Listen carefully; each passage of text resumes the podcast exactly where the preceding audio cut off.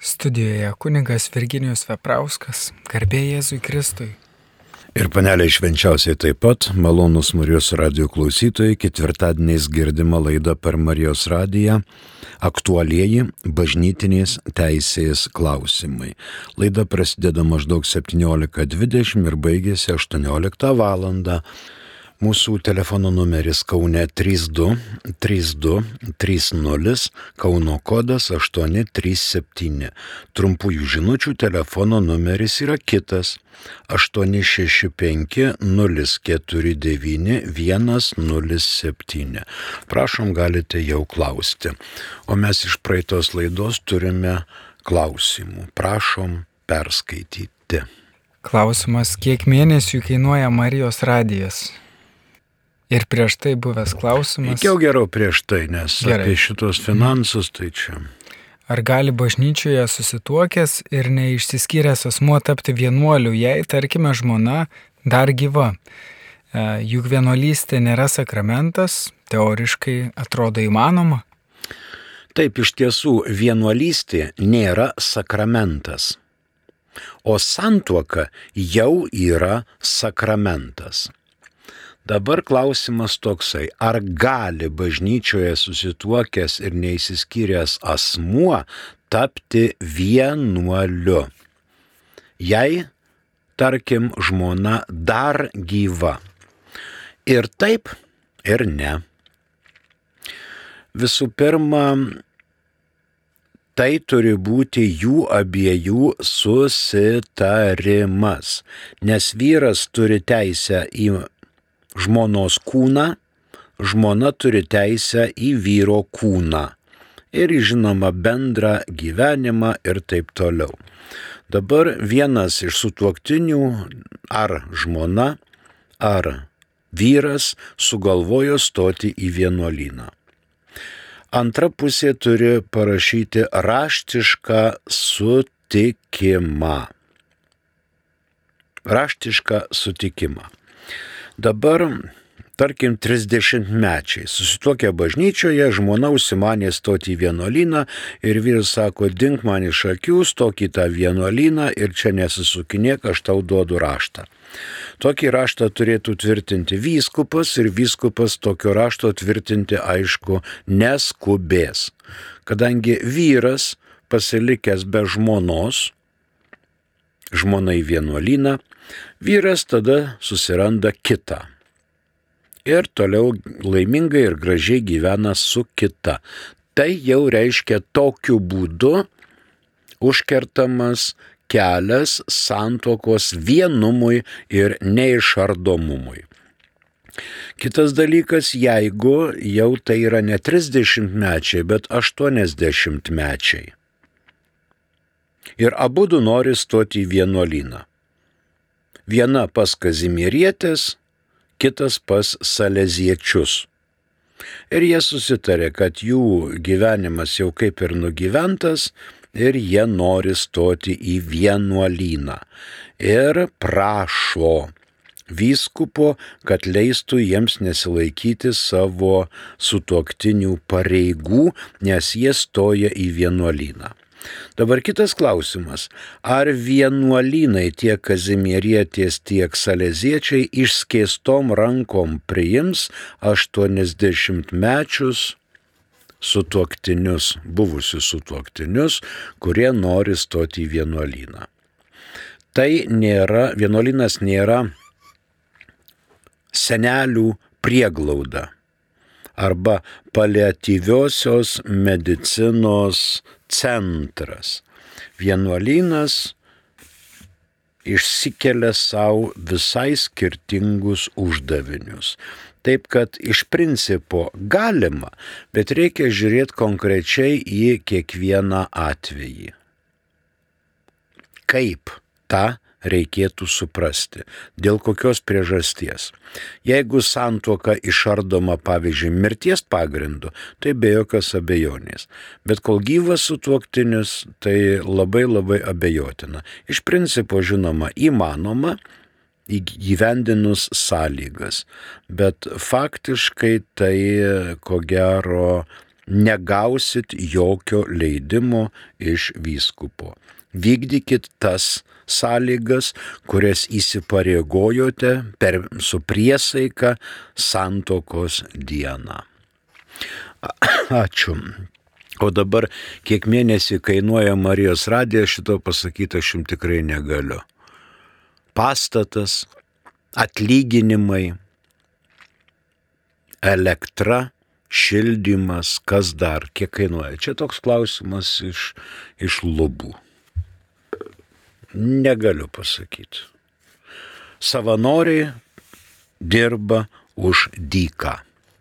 Savanoriauja žmonės čia veltui. O yra tam tikras skaičius darbuotojų, kurie aišku gauna atlyginimą. Ir išlaikyti pastatą reikia ir, ir taip toliau. Ačiū. Dabar mes toliau eikime prie 1290 kanono, kurio nepabaigėme. Kalbame apie sutartis ir ypatingai perleidimą arba alienaciją. Sutarčių, kad būtų galiojančios sąlygos. Perleidimo sutartis nagrinėja 1291 kanonas ir 1294, va tame tarpe, perleidimą. Dabar kita mintis. Teisinė veikla dėl sutarčių turi būti aptariama, kai juridinių asmenų būklė gali pablogėti. Kai ketina pagerėti, viskas gerai. Bet jeigu sutartys sudaromos, kai teisin, kai juridinių asmenų būklė arba veiklos pobūdis gali pablogėti, čia ateina 1295 kanonas. Gal jį taip trumpai perskaitykime. Pagal kanonų reikalavimus, su kuriais privalo būti suderinti ir juridinių asmenų statutai, turi būti laikomasi ne vien perleidimo atveju, bet ir sudarant bet kokį kitą sandorį, dėl kurio galėtų pablogėti juridinio asmens turtinė būklė. Tai va, jeigu jau pablogėja, čia įsijungia visai kiti svertai. Na ir kitas dalykas - nuomos sutartis. 1297-98 kanonai. Juos dar nagrinėsime ateityje. Kaip ir 22 kanonas, taip ir šitas 1290 įstatymdavys numato dvi išimtis sutartyse negalima tokios sutarties įgyvendinti, jei tai prieštarauja dieviškajai teisėjai, pozityviai ir natūraliai. Ir vėl sutartys nesudaromos, jei ką kita nustato kanonų teisės kodeksas. E, kadangi atsiranda abejonės, Dar viena mintis, jeigu kyla bejonės, gali būti pasinaudojama ir liudininkų parodymais. Mums į pagalbą ateina 1547 kanonas. Įstatymas remdamasis liudininkais, vadovaujant teisėjui, yra leidžiamas visose bylose. Tai reiškia, gali būti liudininkai bylose. Antroji mintis. Čia, pavyzdžiui, teisė nenustato kitaip tai reikia atsižvelgti į reikalavimus, kurie civilinėje teisėje gali būti nežinomi arba nenumatomi sutart, sudarant turtinius sandorius tarp bažnyčios ir tarp civilinių subjektų. Dabar mus pasiekė žinutė, taip, prašom perskaitykit. Sulaukime žinutės, ar gali piktasis gundyti, kad nevertai priemiau komuniją, nors manau, kad nepadariau tikrai sunkios ar sąmoningos nuodėmės. Piktasis gali gundyti bet kada, bet ką ir bet kur, nes piktasis turi angelo prigimtį puolusio angelo prigimtį, bet angelo. Todėl jisai už žmogų yra be galo protingesnis. Tik tai e, piktojo arsenalas yra ribotas. O žmogus yra sutvertas į Dievo panašumą ar paveikslą, Dievas yra kūrėjas. Dievo arsenalas yra neribotas o piktojo arsenalas yra ribotas, bet piktasis gali gundyti. Ir jautresnė siela gali abejoti, kad nevertai prieimiau komuniją dėl šito gundimo. O jeigu siela nemano, kad padarė sunkę ar sąmoningą nuodėmę, žinoma, tai yra gundimas.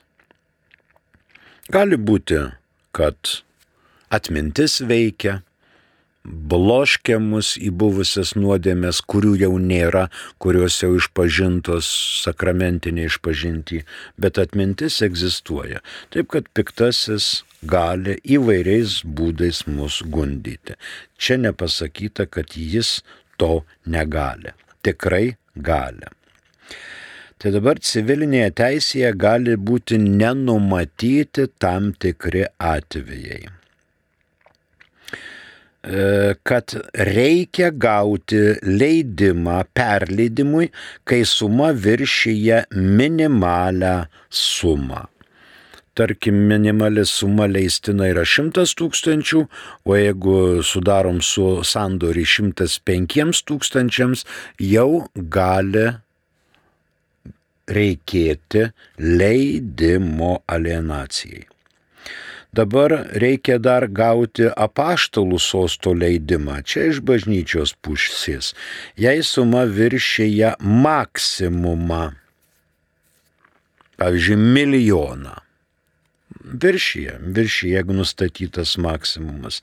Ir tuo pačiu, jeigu daiktai yra gauti įžadu arba turi istorinę ar meninę vertę juridiniam asmeniui.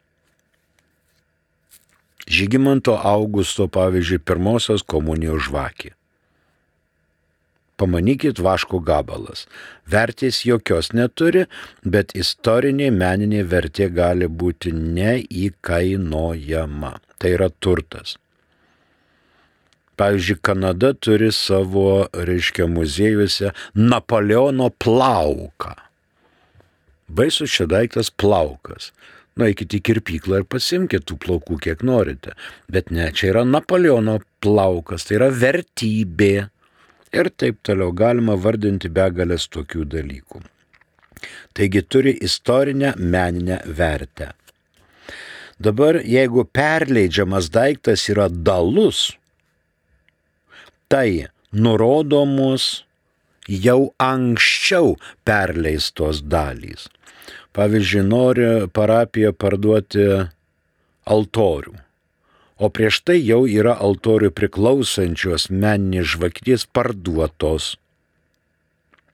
Tai va reikia įvardinti, kad šitas kaip ir nedalomas vienis, bet jisai pradėtas buvo skaldyti ir pardavinėjamas ir reikia leidimo gauti, nurodyti, kad jau žvakidės buvo kažkam parduotos, arba altoriaus kryžius, arba relikvijoriai, arba paveikslas, centrinis, šoninis, viršutinis ir taip toliau. Perleidžiant kažką, reikėtų gauti ekspertų išvadą. Ekspertų išvadą. Ir plus priežastis, dėl ko juridinis asmuo nori perleisti tą turtą. Ekspertai raštiškai parašo nuomonę. Ne vienas koksai, bet ekspertų grupė. Dabar turėtų būti dar teisėtos valdžios nustatytos atsargumo priemonės. Draudimai, signalizacijos, sargyba, na ir kiti dalykai pagal pajėgumus negalima perleisti mažesnę kainą, nei yra daiktas įvertintas.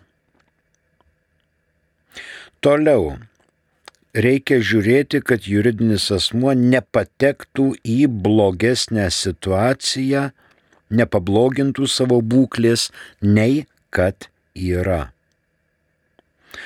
Plus reikia žiūrėti vyskupų konferencijos nuostatų. Galbūt vyskupų konferencija tuo klausimu ir išleidusi tam tikras normas, atsižvelgiama į tai. Toliau, negalima perleisti giminėms iki ketvirtojo laipsnio imtinai. Ir pagal 1296 galima teikti ieškinį. Jei bažnytinės gerybės buvo perleistos ne būtinų, be būtinų kanoninių reikalavimų, civiliškai perleidimas galioja. Kompetentingai valdžiai priklauso nustatyti viską, atidžiai apsvarščius, ar reikia ieškinio ir kokį ieškinį asmeninį ar daiktinį pateikti, kas ir prieš ką jį turi teikti, kad būtų atgim, apgintos bažnyčios teisės. Aš Kazimieras iš Panmėžio. Malonu. Ir apsivežiau, aš jos kaip ir nepažinau, o dabar yra beprotė nuo pat pradžių nieko, nei drabužių plauna, nei valgyt verda, nieko. Pasakiau, prieš Velyką, sakau, paruoš, sakau, šventinį nors stalų. Sako, eik, sako, aš tau paruošiu. Nieko nedaro, nieko iš vis. Apsimynus, mešlydę, keulydę ir viskas. Čia su kunigais kalbėjau, tai sako, jau čia ir šliubas nesiskaita. Jeigu jį taip daro. Ačiū, Kazimierai. Ačiū. Maždaug mintį supratau. Ar šliubas skaitosi, ar šliubas nesiskaito, šitą sprendimą priima Panevežio bažnytinis teismas arba kitos įskupijos teismas pagal kompetenciją. Dabar jūs jos nepažinote. Tai vad reikia žiūrėti, kiek laiko jūs su ją draugavote. Mėnesį, du ar pusmetį, ar keturis metus ir taip toliau ir taip toliau.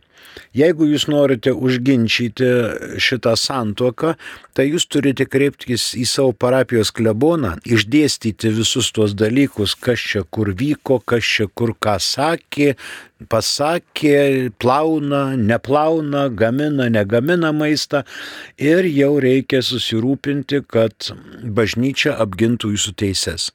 Jeigu klebonas pasne, pasikalbėjęs su jumis, patyrinėjęs, ras galimybių, Jisai jūs tikrai nukreips į Panevežio bažnytinį teismą, kur dirba labai kompetentingi specialistai. Ir jums ten padės. Marijos radio bangomis mes galim pasakyti, kad tvirtinti, ar buvo ar nebuvo šliubas, gali tik bažnytinis teismas. Antra instancija - vieno iš jūsų mirtis. Ačiū Kazimirai, mėla buvo išgirsti jūsų malonius žodžius apie, apie sutoktinę. Dabar žinutės, prašom. Albertas iš Zapiškio parašė, kodėl karts nuo karto pasigirsta, kad kunigai naikina arba neįvertina meninių ar architektūrinių vertybių. pamenu, lapėse buvo nugriauti vartai, ar yra komisija, kuri vertina, kuria bažnytinių vertybių sąrašus. Dėkui. Ačiū. Žinot, lapėse nebuvo nugriauti vartai, ten turbūt šlaitas slinko ir tie vartai gal ir buvo nugriauti, bet po to atstatyti, kad jie visai nenumainuotų į, į apačią. O komisijos yra ne tik bažnytinės, aišku, bet ir valstybinės, kurios atidžiai stebi visą šitą architektūrinę būklę. Tikrai. Ačiū. Kitas klausimas, prašai. Ar rūkantis cigaretės kunigai padaro nuodėmę, ar ne? Juk vienas iš Dievo įsakymų yra nežudyk. Nemanau. O ką gerintys kunigai irgi daro nuodėmės? Nemanau. O lošiantys azartinius lošimus kunigai daro nuodėmę? Nemanau. Bet jeigu jau tai kenkia sveikatai, išvaistomos lėšos ar dar kas nors, tada tai taip. Tada tai taip. Ačiū. Kitas klausimas. Ar gali piktasis naktį, miego metu, smaugti žmogų? Ar tai gali būti susiję su lengvomis nuodėmėmis? Tai gali būti susiję ne tik su nuodėmėmis, bet ir su liga. Gali. Jūs po pagalbę pasidėjote vakare pinigų vokelį, ryte atsikeliate, tas vokelis jau yra pavoktas. Ir kaltinate kaimynus, giminės, aplinkinius, kad arba piktąjį, kuris pakėlė pagalbį ir paėmė tą vokelį su pinigais, būna ir šitaip. Bet tai jau priskiriama dalykam, kurie susijęs su medicina. Ačiū. Kitas klausimas. Kūdikiui bus du metai. Tai ar gerai dar metams atidėti krikštą? Rašo Rozita. Galima, bet nėra gerai. Tarkim, krikšto tėvai už metų grįž atostogų ir tada jūs labai norite, kad tą vaiką pakrikštytų šitie krikšto tėvai. Na, atidėliot ilgam tikrai nereikėtų, bet jeigu yra aplinkybės, kurios jūs verčia kitaip pasirinkti, pasirinkite kitaip. Tačiau jeigu vaikas susirgs sunkiai, arba grėstų mirtis kokiu kitu pagrindu, tai jau reikia vaiką krikštyti nedelsiant. Nedelsiant. Ačiū. Primenu, kad Marijos radijo bangomis girdite laidelę aktualieji bažnytinės teisės klausimai. O dabar mes eikime prie savo tiesioginės temos 1290 kanono dėl sandorių. Kaip girdėjote, pagal 1296 gali būti ir ieškinys. Bažnytiniam sandoriam pirmenybė teikiama nuorodom, kurias pateikia kanonų teisės kodeksas. Ir čia išvardintom mintim yra eiliškumas. Iš eilės žiūrima į tą mintį antrą, trečią, ketvirtą, penktą. Dar paminėtina, kad reikia turėti fundacinius raštus. Tarkim, Barbora Radvilaitė įkūrė parapiją. Štai jos raštas karalienės ir tas raštas saugomas parapijoje. Reiškia, vyskupas norėdamas parduoti parapiją, kertasi su Barboros Radvilaitės mintimi, nes tai yra votas ir dovanota, dovanota fundacija. Tai yra aukotojų valia. Į tą irgi reikia atsižvelgti. 1917 m. kanonų teisės kodekse buvo išvardinta smulkmeniškai. Šita alienacija arba šitie perleidimai žymiai smulkmeniškiau. Rytų kanonuose atitikmuo šiam 1290 yra 1034 ir 1504. Dabar galime jau fiksuoti, bet prieš tai atėjo SMS žinutė, prašom. Ar galima paskusti kaimyną, kuris grasina nužudyti bažnytiniam teismui? bažnytinis teismas į kaimininius santykius nesikiša. Nesikiša. Tam yra civilinis teismas. Dabar grasina nužudyti ką? Jeigu grasina nužudyti jūsų vaiką, tai 112 ir mikliai atbėga ekipažas, komanda, susėmė tą kaimyną, tai kokiam trim dienom ir aiškinas, jisai grasino nužudyti, ar jisai negrasino nužudyti jūsų vaiką. Ir taip toliau. Bažnytinis teismas neužsiminėja šitais asmenų dalykais nes bažnytinis teismas yra įkurtas visai kitiem dalykam. Ačiū. Dar vieną SMS, prašau. Vėlius klausė, ar galima skūsti bedievi kaimyną? Kam skūsti kaimyną vėliau? Kam? Dievas sukūrė žmogų laisvą. Vieni yra tikintys, kitai yra netikintys. Vieni sakantys, kad yra tikintys, gyvena baisiau negu netikintys, o kiti netikintys gyvena žymiai gražiau už tikinčius. Tai dabar kodėl reikėtų skūsti bedievį kaimyną? Kam? Kitam kaimynui? Nežinau. Dėl ko? Melstis galima, kad Dievas duotų įkvėpimų ir, aišku, tas netikintis kaimynas pradėtų tikėti.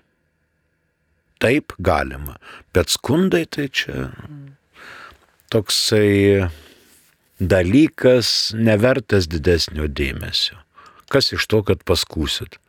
Tai ką, ateis policija, su antrankiai sukabins ir nuves į bažnyčią? Eik melstis. Be dievi. Tikrai to nebus. Ačiū už klausimą. Dar kitas, prašom. Klausytojai reaguoja į Rozitos klausimą ir, ir rašo, ar norite pasakyti, jog nekrikštyti mirę kūdikiai bus pragaruose, jei taip sakote nedelsant? Nesupratau, o koks ten buvo Rozitos klausimas? apie krikštą, kad nori pakrikštyti vaiką vėliau negu sukanka du metai, palaukti mhm. dar metus. Dabar čia turbūt šitas klausimas dėl to man. Ar norite pasakyti, jog nekrikštyti mirę kūdikiai bus pragaruose? Jei taip sakote, nedelsiant. Na, žinot, visi tie tie prezidentai, premjerai turi savo spaudos atstovus. Ir kai prezidentas koks pasako nesąmonę kokią, tai spaudos atstovas turi įsisukinėti, kad jūs netaip supratot, jis pasakė taip, o jūs supratot anaip. Dabar aš nenoriu pasakyti, kad nekrikštytas kūdikis bus pragaruose. Aš sakau, jeigu žmogus, kūdikis, vaikas susirgo sunkiai arba yra kita grėsmė mirčiai, jis turi būti krikštytas nedelsiant. Nedelsiant. Tai bažnyčios mokslas. Nedelsiant, kad e, mirties atveju jisai būtų pakrikštytas ir nueitų tiesių taikymų pas Dievą tiesių taikymų pas Dievą. Nekrikštytas tiesių taikymų pas Dievą neina. Jis nebus pragaruose, jis nepražus, nes be savo kalties nepaėmė krikšto, taip sakant, nebuvo pakrikštytas. Bet krikštas yra suteikia ant gamtinę malonę ir žmogus grįžta į tą būklę, kur buvo prieš nuodėmę ir matys dievo veid, Dievą veidas veidan. Yra toksai posakis - veidas veidan. Tai vad dėl to ir sakau, nedelsiant, nedelsiant. Ir reikėtų akušerijos klinikų ir seseles, ir gydytojas pam, pamokyti, jeigu gimdymas yra sudėtingas ar ką, kad jos mokėtų pakrikštyti motinai, prašant kūdikį čia pat ir nedelsiant. Ačiū. Dar kitas klausimas. Vėlius nori pasitikslinti, ar netikintis kaimynas pateks į pragarą. O, jeigu aš būčiau Dievas, aš tikrai įgrūščiau tą netikinti kaimyną į pragarą, tegul jis tam pasvelniukus maloje verda.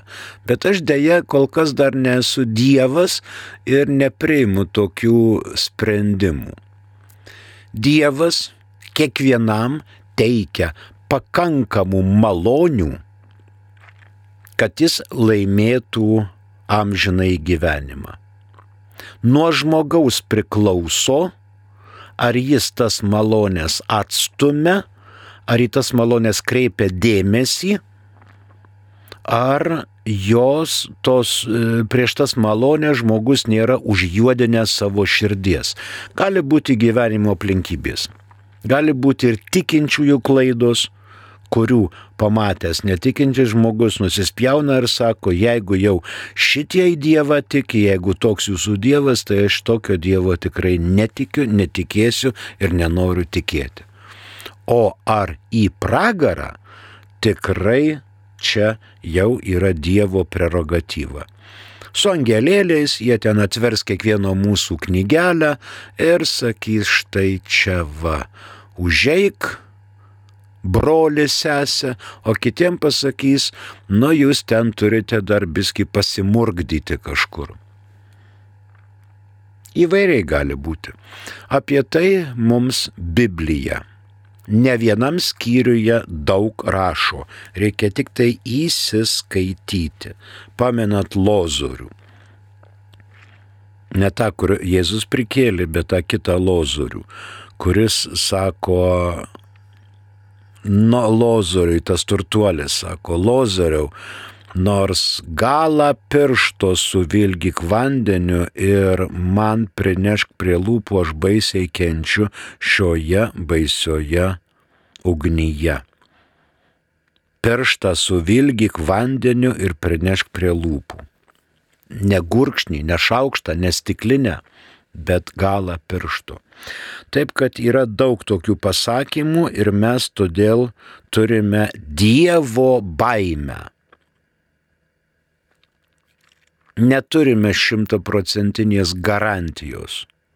Mes bijome Dievo, stengiamės praktikuoti dorybės, melstis, visus kitus gerus dalykus daryti ir stengtis nepatekti pas velniukus. Dievas yra be galo gailestingas, bet Dievas yra ir be galo teisingas. Čia dar vienas fintas. Ir Dievas yra daugiau tai, kas apie jį nepasakyta, negu tai, kas apie jį pasakyta. Dėl gailestingumo.